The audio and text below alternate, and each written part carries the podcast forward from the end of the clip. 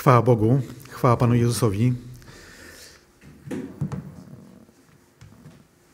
Drodzy bracia, drogie siostry, drodzy przyjaciele, to już trzecie spotkanie jest przy tym samym e, fragmencie Słowa Bożego. Zapowiedziałem, że tak będzie, że będziemy powracać do tego fragmentu, do czwartego rozdziału Ewangelii Marka, od pierwszego do 25 wersetu. E, choć niechętnie, ale mogę obiecać, że to ostatnie spotkanie przy tym fragmencie bo myślę, że można by tam jeszcze wiele różnych rzeczy powiedzieć, ale mm, będziemy później w kolejnych spotkaniach, jak Bóg pozwoli, przechodzić dalej do kolejnych fragmentów Ewangelii Marka. Jak pamiętacie, przy pierwszym fragmencie, który był związany z tym czwartym rozdziałem, który mówi o przypowieści o siewcy, tam jest jeszcze kilka innych przypowieści, to wtedy omawialiśmy, przypominałem może, podawałem takich kilka zasad, podstawowych zasad które są pomocne do rozważania Pisma Świętego, przy czym również one są pomocne, żeby rozważać przypowieści. Nie będę ich przypominał, ale powiem tylko o jednej zasadzie, siódmej z rzędu, której też przy kilka tygodni temu przy rozważaniu tego fragmentu wspomniałem, że jest najważniejsza. Gdyby wszystkie inne gdzieś nam z pamięci upłynęły, to tą najważniejszą jest prośba do Boga o Ducha Świętego dlatego że wszystkie techniczne kwestie, które możemy wziąć pod uwagę, kontekst, y, czytanie na głos, po cichu, słuchanie, wszystko jest ważne. Ale jeśli byśmy się skupili tylko i wyłącznie na tych kwestiach technicznych, a zapomnielibyśmy byśmy o tym, że autorem Słowa Bożego jest Bóg, że jest Duch Święty, uważając, że tylko techniczne sprawy nam pomogą, no to wtedy nie pomogą. Więc myślę, że prośba Ducha Świętego jest najważniejszą częścią z tych wszystkich y, części, które możemy wziąć pod uwagę, jeśli chodzi o rozważanie Słowa Bożego. I tak naprawdę autor nie zastrzega sobie, że tylko wybrani będą mogli o niego prosić. Pan Jezus mówi: proś, po prostu proś. I zbierając materiały, tutaj może poproszę o, o pierwszy slajd. Yy, zbierając materiały do, yy, do tego kazania, czytając różne opracowania, słuchając, słuchając różnych yy, kazań, natrafiłem też na takie. To jest Kościół Ewangelicznych Chrześcijan w Toruniu. 8 y, maja. Y, kazanie, które dotyczy tego właśnie fragmentu, który dzisiaj będę również odczytywał, który będę również poruszał. Jak zauważyliście, ja nie omawiam w tym, w tym fragmencie w ogóle, tylko nawiązuję do tego. E, ale nie omawiam werset po wersecie e, całego tej przypowieści o różnych rodzajach gleby, ale za każdym razem, kiedy wspominam o tym fragmencie, to e, okazuje się, że już ktoś to zrobił. Dlatego polecam mi to kazanie pod tytułem Siewca, ziarno i rola brata Tadeusza Tołwińskiego, którym to właśnie kazaniu brat w bardzo praktyczny sposób omawia tą przypowieść, natomiast opiera się nie o Ewangelię Marka, tylko o Ewangelię Mateusza, bo ta przypowieść występuje w trzech Ewangeliach. Mateusza 13 rozdział, Marka 4 rozdział i Łukasza 8 rozdział. Więc y, to taka reklama, nie jestem w zmowie z, z Kościołem w Toruniu, ale odszukując te materiały, to znalazłem taki, taki temat. A tytuł dzisiejszego kazania, które, mm, które będę miał możliwość przedstawić, jest oparte na czwartym rozdziale Ewangelii Marka, y, wersecie 24 Uważajcie na to, czego słuchacie, ale cała sentencja brzmi tak, ja odczytam ją z przekładu Biblii Poznańskiej. Uważajcie na to, czego słuchacie, jaką miarą mierzycie, taką wam odmierzą i jeszcze wam dołożą. To jest cały, cały werset 24 z 4 rozdziału Ewangelii Marka. Przypowieść Pana Jezusa o różnych rodzajach gleby powinna mi przypominać o tym, że od czasu do czasu dobrze jest, jeśli jestem szczerym uczniem Pana Jezusa, to w tej szczerości powinienem od czasu do czasu rozważać stan swojego serca, stan mojej duszy. Czy przypominam, może nie raczej nie czy, tylko kiedy przypominam którąś z tych trzech gleb. Specjalnie zamieniłem to pytanie czy, bo pytanie czy powoduje, że mogę sobie odpowiedzieć na to pytanie nie, nigdy nie przypominam żadnej z tych gleby ale pytanie kiedy powoduje, że zakładam z góry, że czasami ją przypominam. Pytanie tylko kiedy. No i wtedy mogę swoje serce, swoją duszę, e, patrząc Słowo Boże i szukając odpowiedzi w Duchu Świętym, zobaczyć, czy kiedykolwiek taką glebę po nawróceniu przypominałem. a kiedy przypominam tą wyjątkową glebę, która owocuje w różny sposób. Dzisiaj też będziemy chcieli, zanim przejdziemy do rozważania tego fragmentu, odczytać z czwartego rozdziału Ewangelii Marka tych pierwszych 25 wersetów. Ostatnio czytałem z przekładu y, toruńskiego, dobrze, Nowego Przymierza, a tym razem odszukałem fragment też ciekawie brzmi przekładu Biblii Poznańskiej, która jest bardzo podobna do Biblii Tysiąclecia, jednak są tam też pewne różnice. Z tego co wiem, to mamy w swoich zasobach Biblię Warszawską dostępną, tak? E, więc będziecie mogli zobaczyć czy tu na ekranie w swoich, w swoich egzemplarzach Biblii, albo słuchając, jakie są różnice w ujęciu tej, tego tłumaczenia. Ale ja ten fragment przeczytam właśnie z Biblii Poznańskiej, od pierwszego wersetu czwartego rozdziału.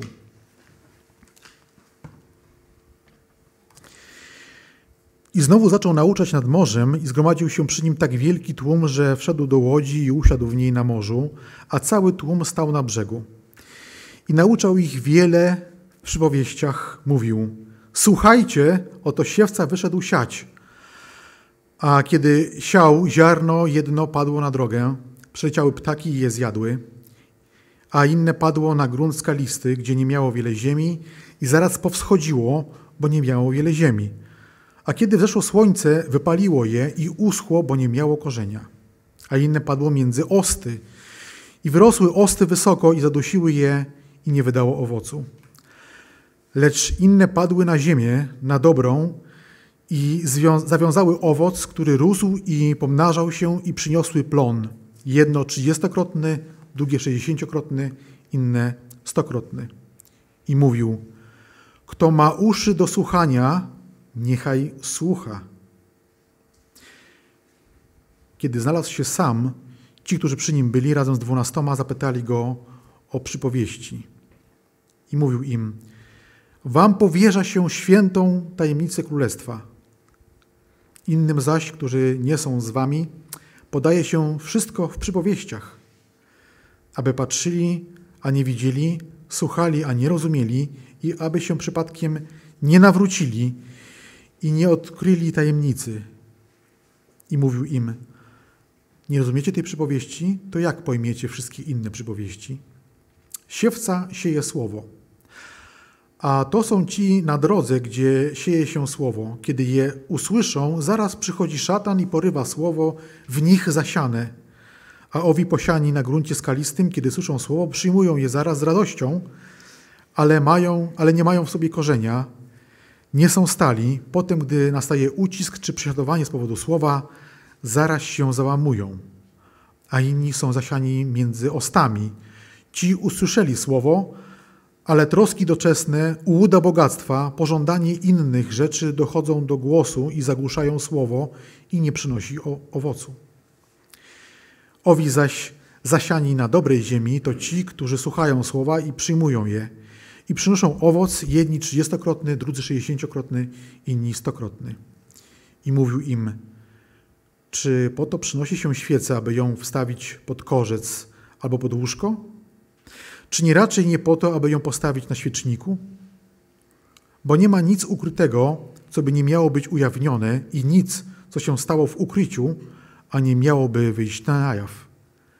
Kto ma uszy do słuchania, niechaj słucha.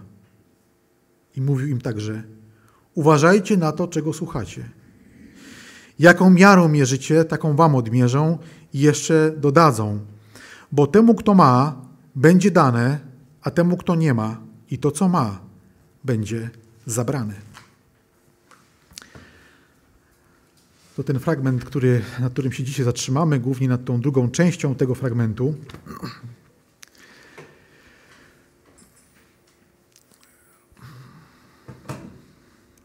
Czytając w domu, zbierając materiały, zastanawiając się nad tym fragmentem, przyszły mi do głowy takie osobiste pytania i postanowiłem je zawrzeć e, w tych myślach, które przedstawić. E, to są pytania, na które nie znajdziemy e, odpowiedzi. Myślę, że nikt nam nie powie, Daniel, to ty powinieneś tak albo inaczej. Myślę, że są to pytania, które możemy rozważyć w swoim sercu, a gdzieś tam w tekście, w tych myślach będę do nich nawiązywał. Jedno z tych pytań to, z jakim nastawieniem słucham głoszonego Słowa Bożego. Albo kim naprawdę jestem według nauk Chrystusa. Jaki w oczach Boga jest owoc gleby mojego serca. I ostatnie pytanie, czy kiedykolwiek byłem, czy kiedykolwiek jestem, albo bywam którąś z tych nieowocujących gleb. I zanim przejdę do rozważania, to bardzo proszę pozwolić mi na kilka zdań, które są, nazwałbym je elementarzem chrześcijanina. Bo to, co powiem, to może wzbudzić ziewanie, ale mówię to na początku, a nie na końcu, żeby na początku zaziewać, a nie pod koniec. Przyjęcie Ewangelii to nie są emocje. To jest elementarz, każdy to dobrze wie. Początkowe przyjęcie Ewangelii w zachwycie, kiedy widzimy, że ktoś przyjmuje Ewangelię, no to tak reaguje emocjonalnie, w jakiejś euforii. Nie jest to złe, jest to normalne, nawet czasami tego oczekujemy może, ale ludzie, ludzie mają różne reakcje, ale bardzo często, kiedy nigdy nie mogli spotkać się z Ewangelią, no to albo słyszeli ją w jakiś sposób niekształcony, to kiedy ją słyszą, to tak właśnie reagują emocjonalnie. Ale nie jest to ostateczny ostateczne kryterium, które byśmy oczekiwali. Ktoś tak e, emocjonalnie reaguje. Ostateczne kryterium ucznia Chrystusa to coś więcej niż tylko zachwycenie się Ewangelią, która została mu ogłoszona. Biblijna zbawcza wiara nie opiera się na emocji, ale na takiej stałej, pewnej decyzji, która się rozwija, która się umacnia, która się mm, w jakiś sposób dojrzewa, tak bym powiedział. Dojrzewającej więzi i nazywamy to czasami, nawet zawsze, nazywamy to, że jest to proces. I też proces, który postępuje w tej dojrzałości, w tym wrastaniu w Boga, jest to proces, który myślę, że się nie zakończy. E, myślę, że on jest procesem wiecznym. Nawet po e, pochwyceniu odmiany ciał na podobieństwo Pana Jezusa, ciał uwielbionych, no to czy możemy powiedzieć też wtedy, czy znamy, że znamy Boga? No zapewne ta różnica poznania Boga będzie zupełnie inna niż dzisiaj. Ale jak można poznać wiekuistego Boga w całości? Ja nie potrafię na to pytanie dziś odpowiedzieć. Być może w przyszłości tak, ale dzisiaj nie potrafię. Zbawienie to nie jest polisa ubezpieczeniowa. I to jest, wybaczcie, jeśli zajmujecie się policami ubezpieczeniowymi, to nie piję do was, tylko taki obraz chcę narysować. To nie jest polisa ubezpieczeniowa przed potępieniem, czy ogniem, czy trafieniem do jeziory ognia. Zbawienie to też nie jest przepustka do nieba. To jest nowy wewnętrzny człowiek, tak to opisuje Pismo Święte. Ta nowość w człowieku umieszczona jest, czy spowodowana jest przez Ducha Świętego i ten nowy człowiek, można powiedzieć, jest stworzony na obraz Pana Jezusa. Dlaczego tak? Dlatego, że wcześniej, w tym czasie przed nawróceniem, człowiek przypomina trochę Adama, nawet trochę, całkowicie podoba, przypomina Adama i Ewę którzy spożyli owoc i jak słyszeli, że Pan się przechadza o tej właśnie porze dnia, o której zazwyczaj do nich przychodził, bo tak rozumiem ten, ten fragment Księgi Rodzaju, no to oni zamiast przyjść na spotkanie, to się schowali. I taki też, tak też człowiek przypomina w swoim grzesznym życiu takiego Adama i Ewę, gdzie się chowamy przed Bogiem. Chcemy tej relacji, ale wiemy, że y, z tym, co mamy na swoich rękach, no to spotkanie jest takie bardzo zawstydzające. Ale kiedy Duch Święty stwarza nowego człowieka, to wiemy, że te grzechy są obmyte krwią Chrystusa i chcemy tego spotkania, dążymy do tego spotkania. Więc można powiedzieć, że Duch Święty stwarza w człowieku obraz Chrystusa Jezusa, który chciał mieć relację z Bogiem, chciał mieć relację z Ojcem. To nowe stworzenie, które dochodzi w człowieku, którego stwarza Duch Święty, to można powiedzieć, że jest to takie stworzenie, nawiązać można w tym do też Księgi Rodzaju, gdzie Bóg stwarza człowieka na swój obraz i swoje podobieństwo, czyli w takim bliskiej relacji z Bogiem. I wtedy też w czasie nawrócenia do takiego nowego człowieka na obraz Boga dochodzi.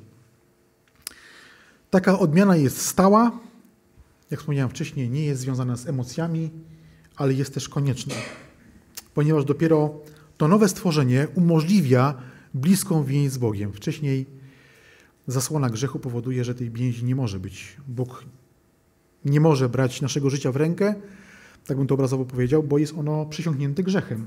Jeśli nie będzie ono obmyte krwią Chrystusa, no to niczego świętego się Bóg nie dotyka. Emocjonalne, takie początkowe zakiełkowanie e, w sercu człowieka Ewangelii jest piękne i konieczne, ale musi nastąpić zakorzenienie. I wtedy, kiedy następuje to zakorzenienie, co widać też w tej przypowieści Pana Jezusa, dopiero jeśli ono się zakorzeni, to może czerpać jakieś środki odżywcze z tej gleby i może wydawać owoc. Ponieważ bez owocu serca, to znaczy bez żywej wiary, bez oddania się Panu Jezusowi, bo to nazywam owocem, bez trwania w słuchaniu Słowa Bożego, bez trwania w słuchaniu, tak naprawdę znajduje się dalej na drodze do potępienia. Dlaczego tak można to jednoznacznie dość cierpko stwierdzić?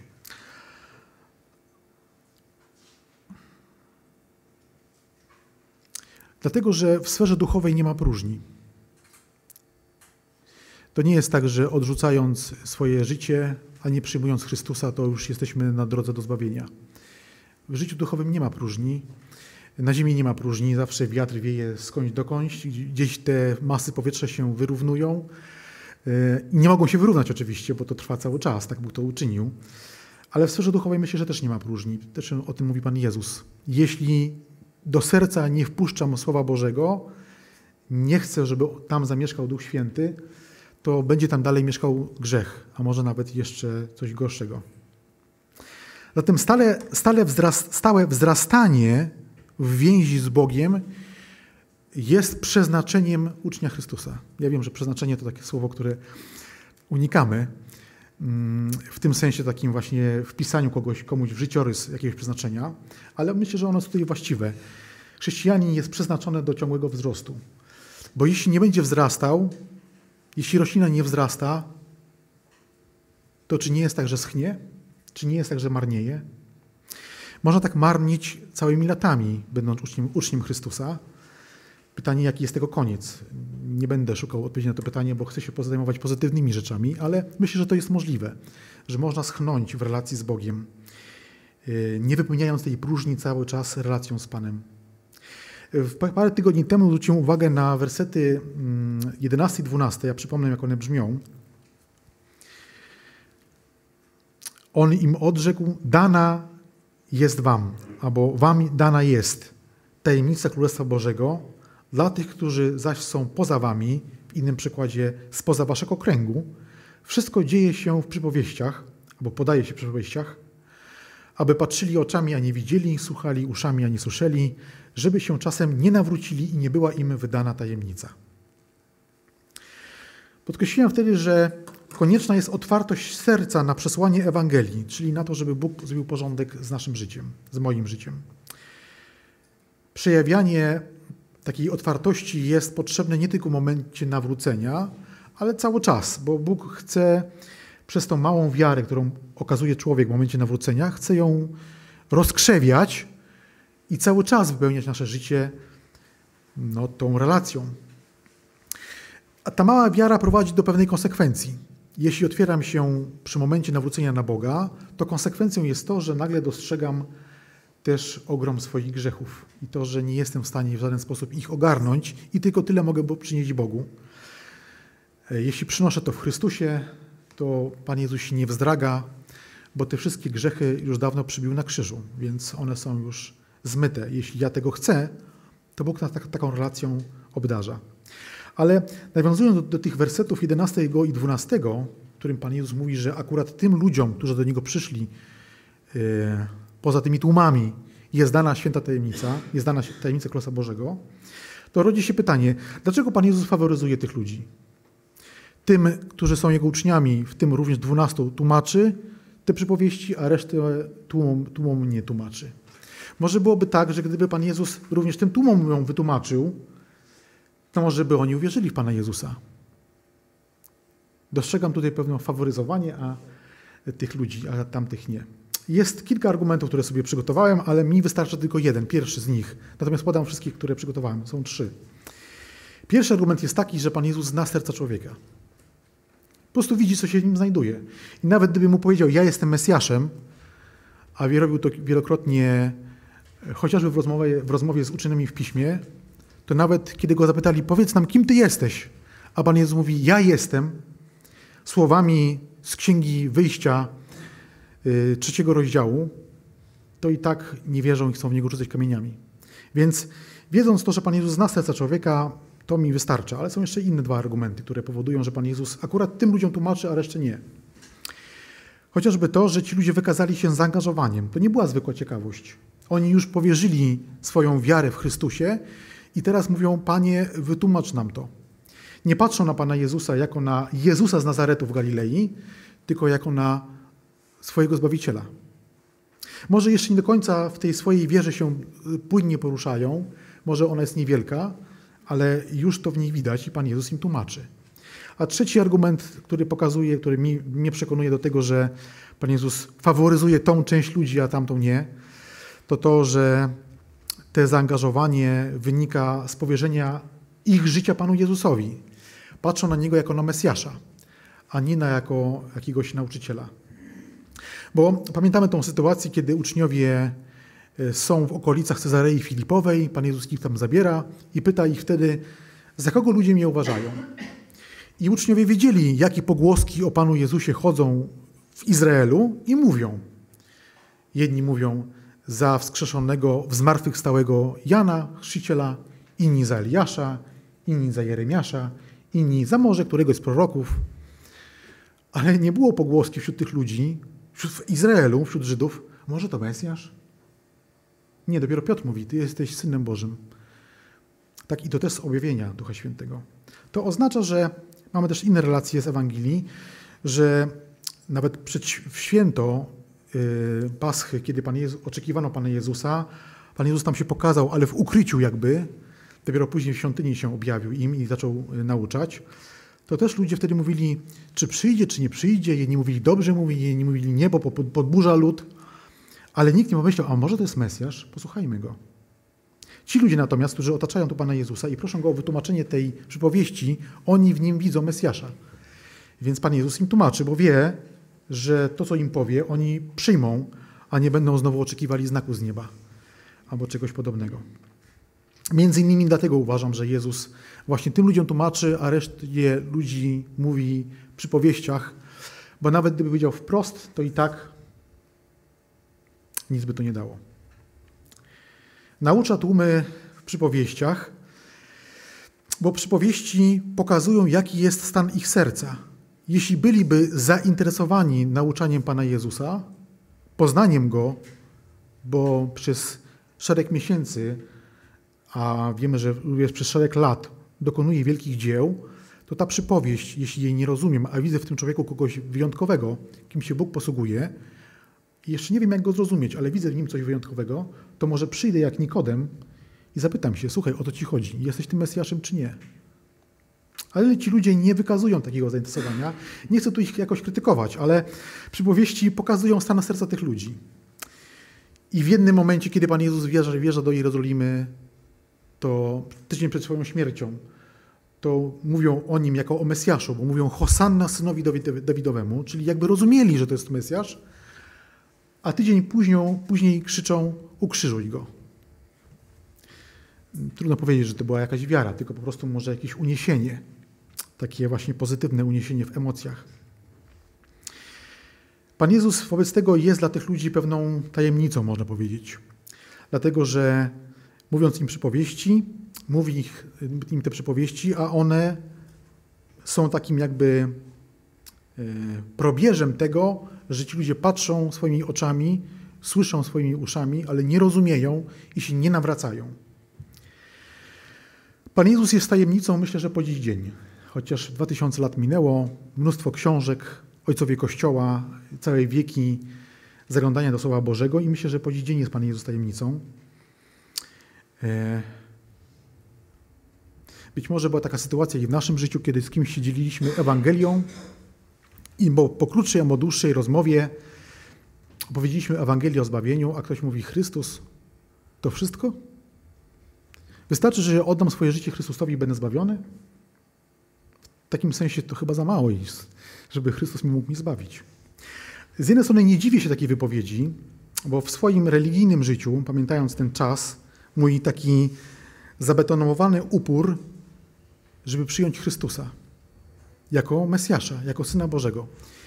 Syn Boży w tamtych czasach równał mi się jeden z przedniejszych aniołów Pana. Syn Boży równał mi się jako pierwsze stworzenie Boga. I chociaż widziałem w Pisie Świętym, że syn nie może mieć innej natury jak, niż ojciec, to jest takie proste. Ale wtedy to było zupełnie niewidoczne.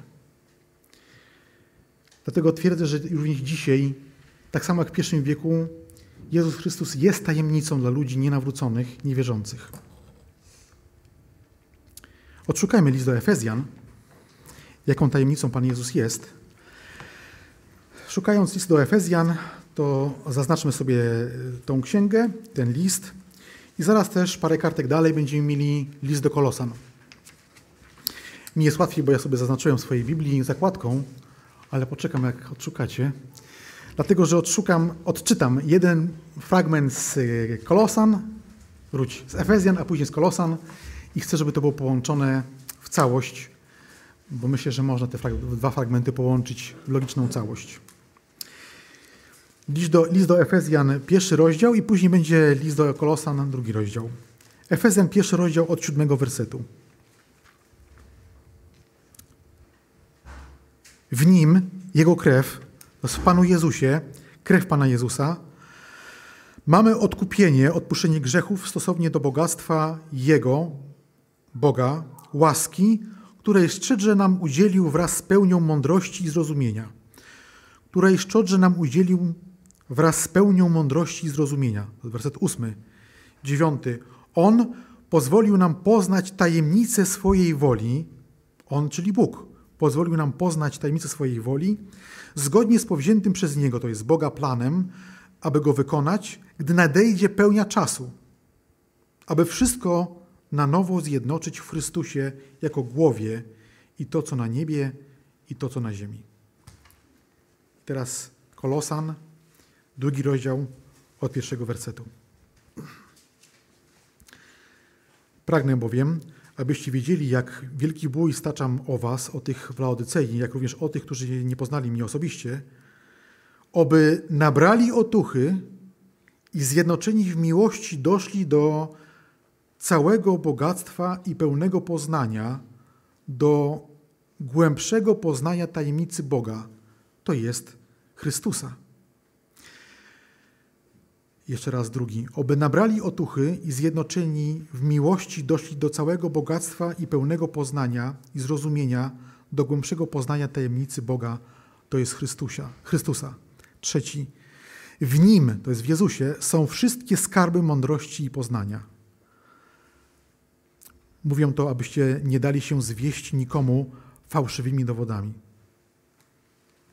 To ten fragment. Ileż to razy ten fragment czytałem przed nawróceniem, że w nim są wszystkie skarby mądrości i poznania. Ale Chrystus mi nie, nie wystarczał. Dzisiaj mogę się tylko z siebie uśmiechać, ale taka jest prawda. Jaki jest wniosek e, z tych kilku fragmentów z listu do, do Efezjan i do Kolosan?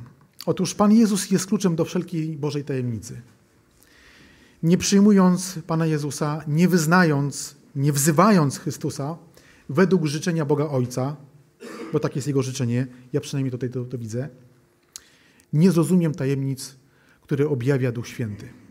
Nie zrozumiem tego, co Bóg chce powiedzieć do mnie przez Słowo Boże. Dlaczego taka radykalne zdanie? Że nie przyjmując Pana Jezusa, to może sobie czytać Biblię, e, ale niewiele to dotrze. Tak może być. Z powodu tego, że zrozumienie przychodzi z ręki Ducha Świętego. Duch Święty może dać pewne zrozumienie człowiekowi, ale jeśli dochodzi do momentu, w którym nie chce przyjąć Chrystusa jako swojego Zbawiciela i Pana, to w tym miejscu to zrozumienie się może skończyć. Dlaczego akurat tak może postąpić Duch Święty? Myślę, że odpowiedzią na to pytanie jest również Ewangelia, chociażby ten fragment, w którym Pan Jezus już w wieczerniku, kiedy zawarł przymierze z dwunastoma, już nie ma Judasza, to Jan o tym to opisuje. 16 rozdział Ewangelii Jana.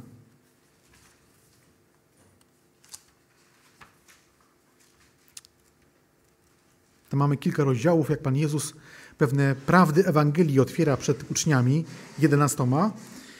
I w Ewangelii Jana w 16 rozdziale Od siódmego wersetu czytam takie słowa. Ale ja mówię wam prawdę. Lepiej dla was, że ja odchodzę, bo jeśli bym nie odszedł, obrońca, chodzi o Ducha Świętego, nie przyszedłby do was. Jeśli zaś odejdę, poślę go do was. A kiedy On, Duch Święty, przyjdzie, przekona świat o grzechu, sprawiedliwości i o sądzie. O grzechu, bo nie wierzą we mnie. Jeśli Duch Święty przekonuje mnie o moim grzechu, no to pokazuje mi, że największym moim grzechem to nie było kłamstwo, nie była kradzież, nie był alkohol, nie było nierządne prowadzenie się, tylko największym grzechu jest, grzechem moim jest to, że nie przyjmuję Chrystusa, że odmawiam Chrystusowi zbawienia mnie. Duch Święty o tym przekonuje człowieka. W dziesiątym wersecie o sprawiedliwości, bo odchodzę do Ojca i już mnie więcej nie zobaczycie. Jedenasty o sądzie, bo władca tego świata został osądzony. I teraz przejdźmy do trzynastego.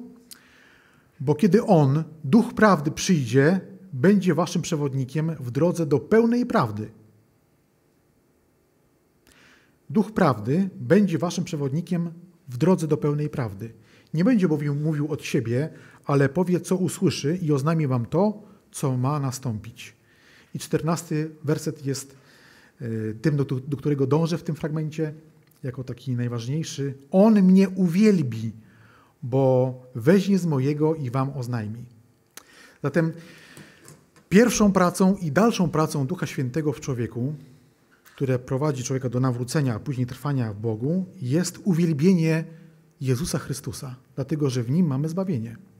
Jeśli ktoś do tego dochodzi, czytając Słowo Boże, dochodzi do tego miejsca, że ma przyjąć Jezusa Chrystusa jako swojego Zbawiciela i mówi, nie, to za mało, trochę za mało, musi być coś więcej, no to w tym miejscu się zatrzymasz po prostu.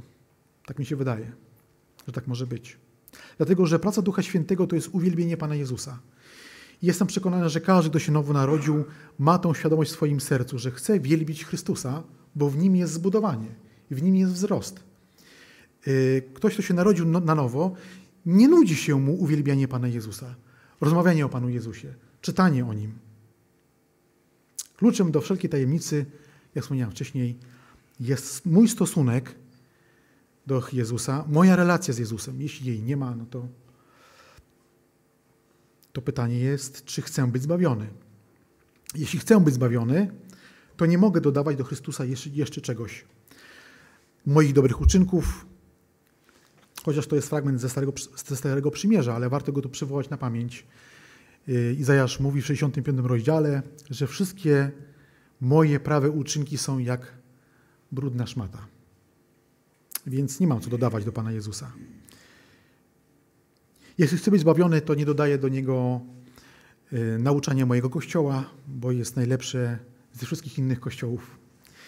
Nie dodaję organizacji, nie dodaję świadectwa w moim życiu świętych, nie dodaję Marii czy kogokolwiek innego. Po prostu Chrystus jest wystarczający.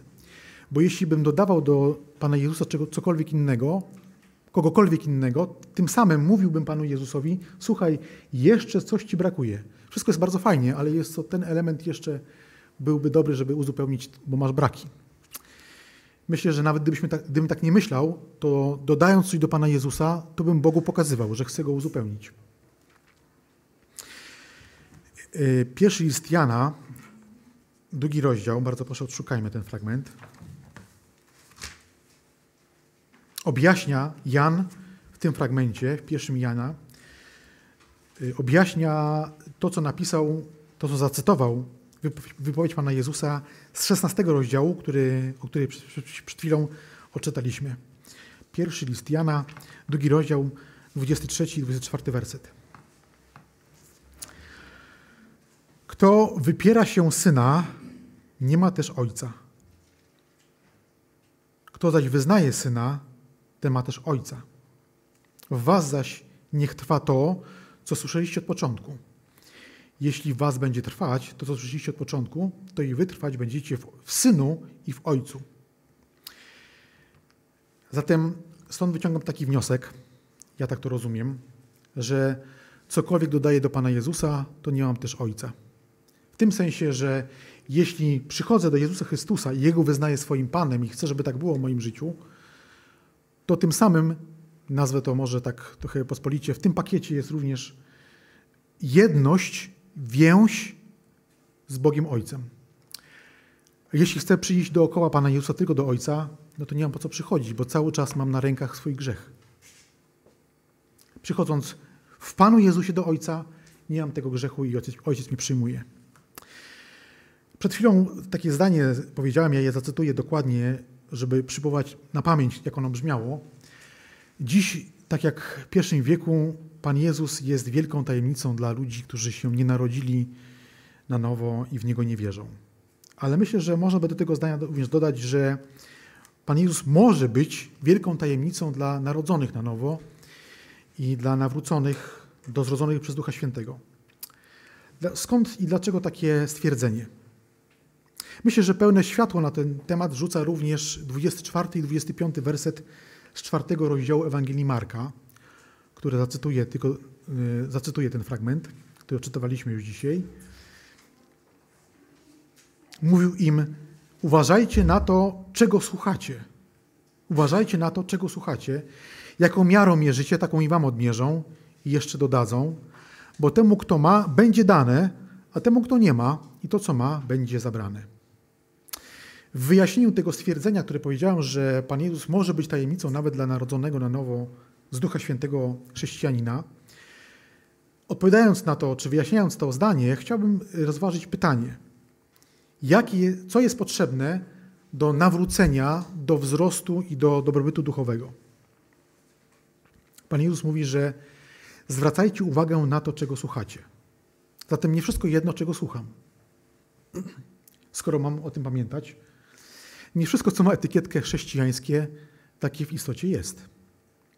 To, co jest niechrześcijańskie, nie zajmuje się tym, no bo nabożeństwo to, to nie temat, żeby zajmować się rzeczami niechrześcijańskimi, chociaż mogą być wartościowe w potocznym życiu. Ale chodzi mi o coś, co przydaje wartości do swojego wzrostu i zacieśniania więzi z Bogiem.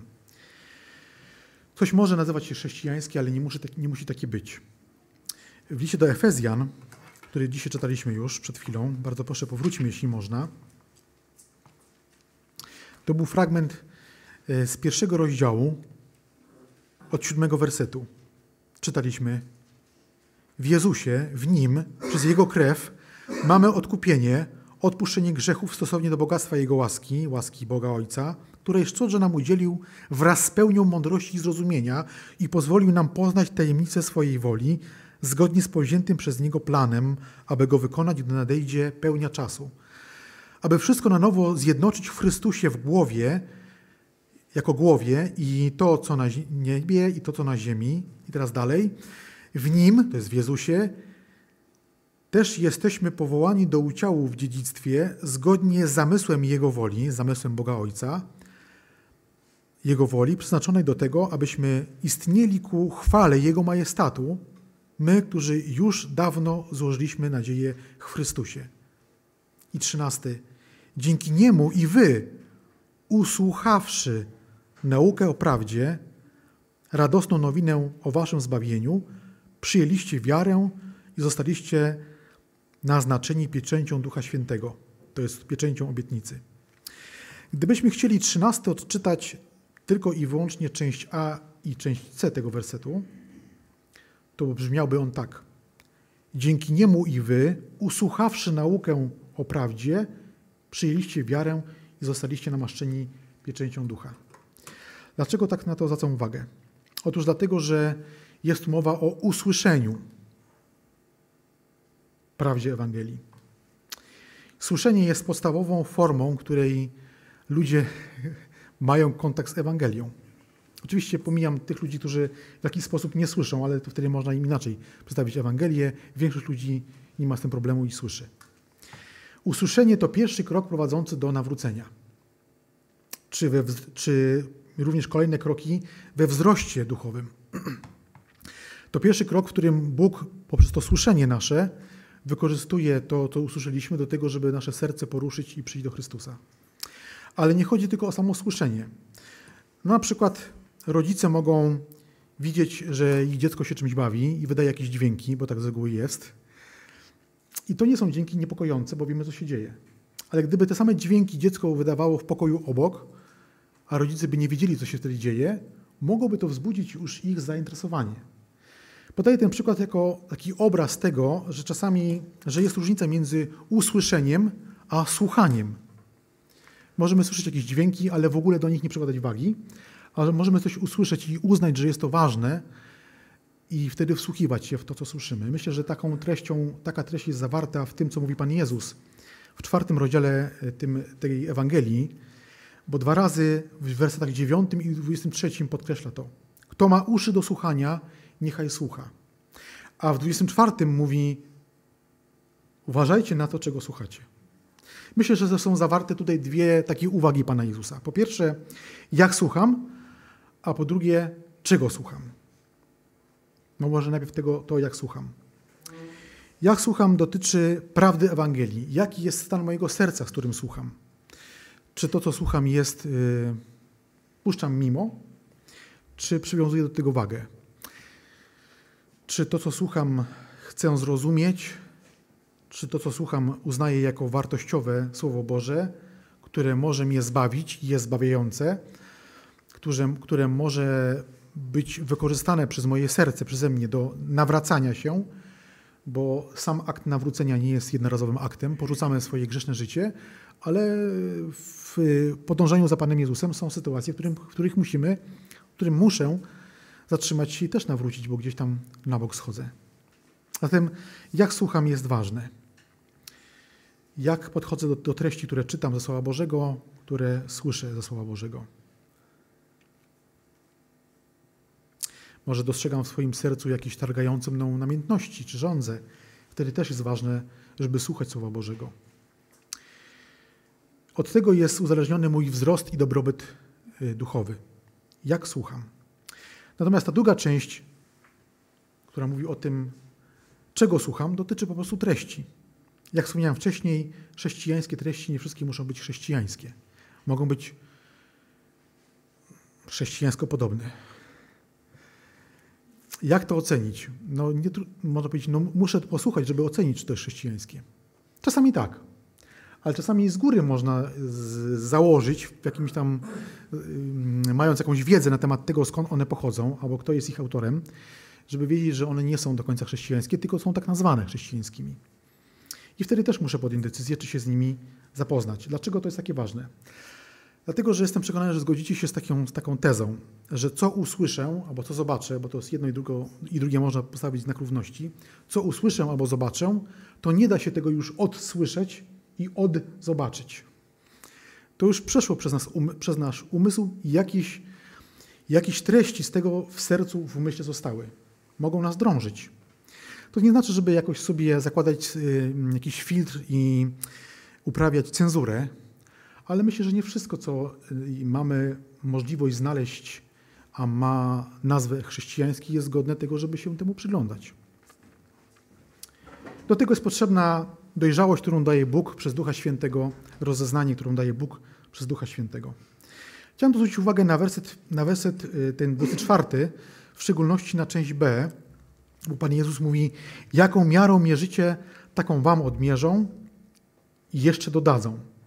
I myślę, że nie chodzi tutaj o pieniądze. Myślę również, że nie chodzi tutaj o osądzanie siebie czy innych. Yy, dlatego, że ani kontekst wcześniej, ani kontekst później nie mówi o jakimś takim osądzaniu siebie czy innych. Tylko Pan Jezus w 24 i 25 werset jest pewną całością. W tym wersecie widzę, przynajmniej ja go tak rozumiem, jak Pan Jezus mówi o duchowym wzrastaniu, w poznawaniu Boga jaką miarą odmierzam sobie sam poznawanie Boga, bo mogę to też sobie dawkować. Mogę na przykład yy, chcieć mieć pełny dostęp do łaski Bożej w poznawaniu Boga, czy też w jakiś sposób ją pomniejszać, tę możliwość poznawania Boga. Czy chcę zacieśniać więź z Bogiem bardzo, czy tylko troszkę? Yy, aby to Słowo Boże przeniknęło do mojego jestestwa, no to trzeba na to skupić swoją uwagę i poświęcić też czas. Prosić też o Boga o prowadzenie. I wtedy też powstaje pytanie, czy wystarczy mi już taka więź z Bogiem, jaką mam, czy chcę ją rozwijać? Czy chcę jeszcze więcej poznawać Ojca, Syna i Ducha Świętego w swoim życiu?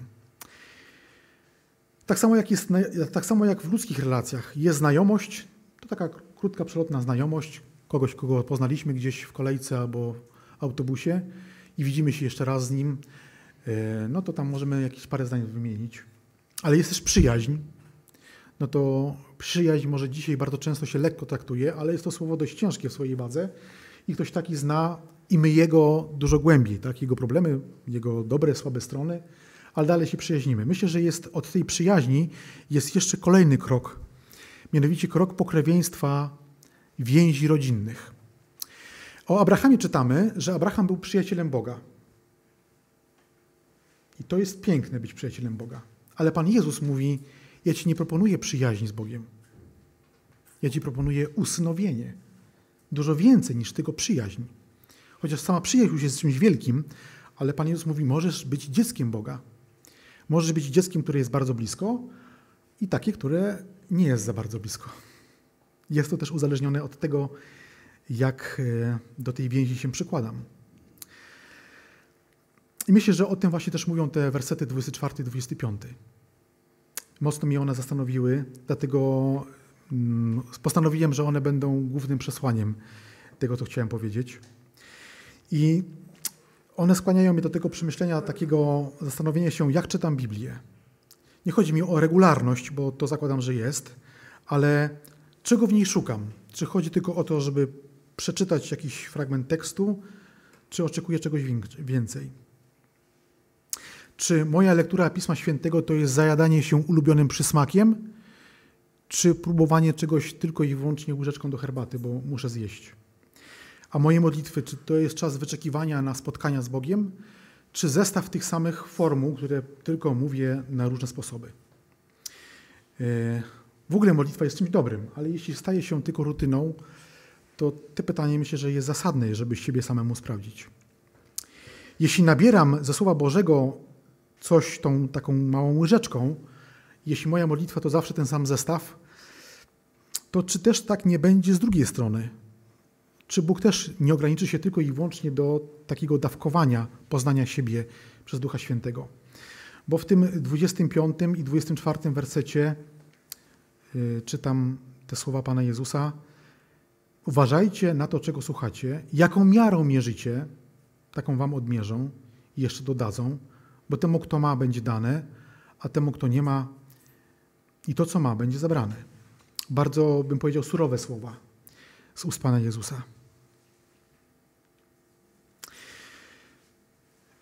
Jako dzieci Boga, nawróceni, namaszczeni Duchem Świętym, obdarzeni Duchem Świętym, pragniemy, aby nasza wiara była większa, silniejsza, nadzieja, którą daje Pismo Święte na spotkanie z Panem, była jeszcze jaśniejsza w naszych sercach, bo mroki są coraz większe wokół nas. Poznanie, żeby było jeszcze większe, bo z całą pewnością możemy powiedzieć, że możemy cały czas rozwijać się w poznaniu Boga i Jego woli. Ale pytanie jest takie, jak do tego dążyć? I chciałem tutaj powrócić do, do wersetu 25.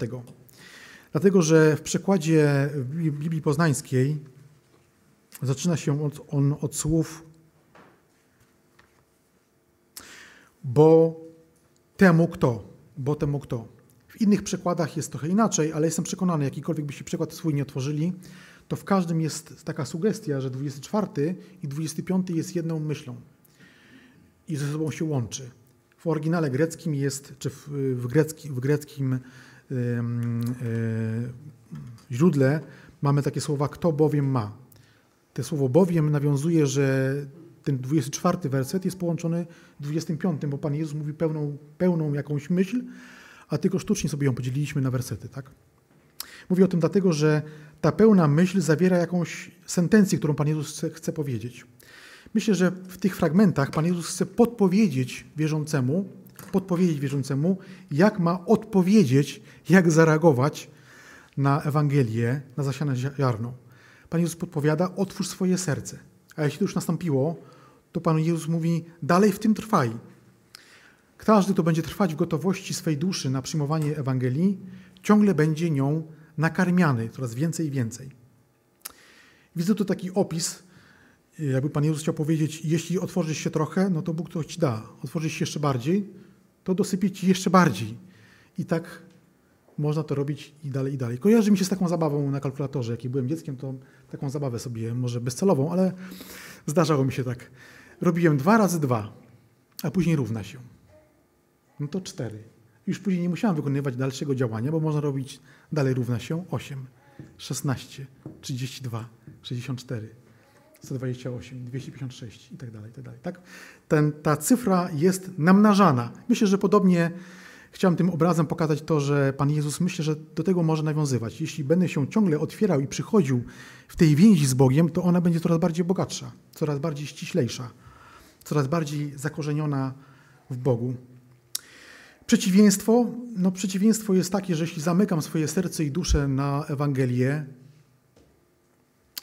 jeśli ktoś to ciągle robi, ciągle odrzuca Ewangelię, ciągle nie chce owocować, to ostatecznie taka osoba może być pozbawiona wszystkiego.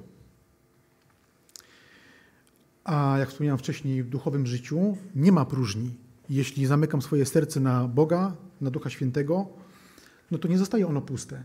Dalej tkwi tam grzech, a może świat ciemności.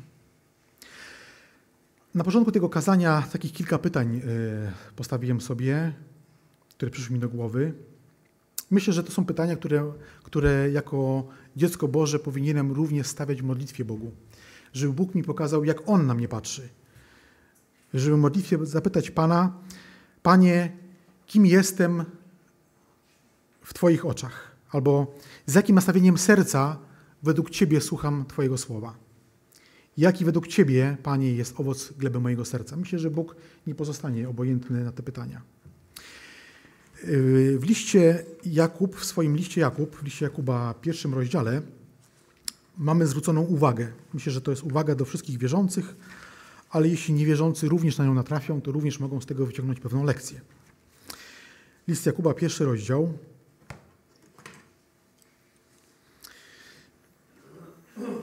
E, werset od 22.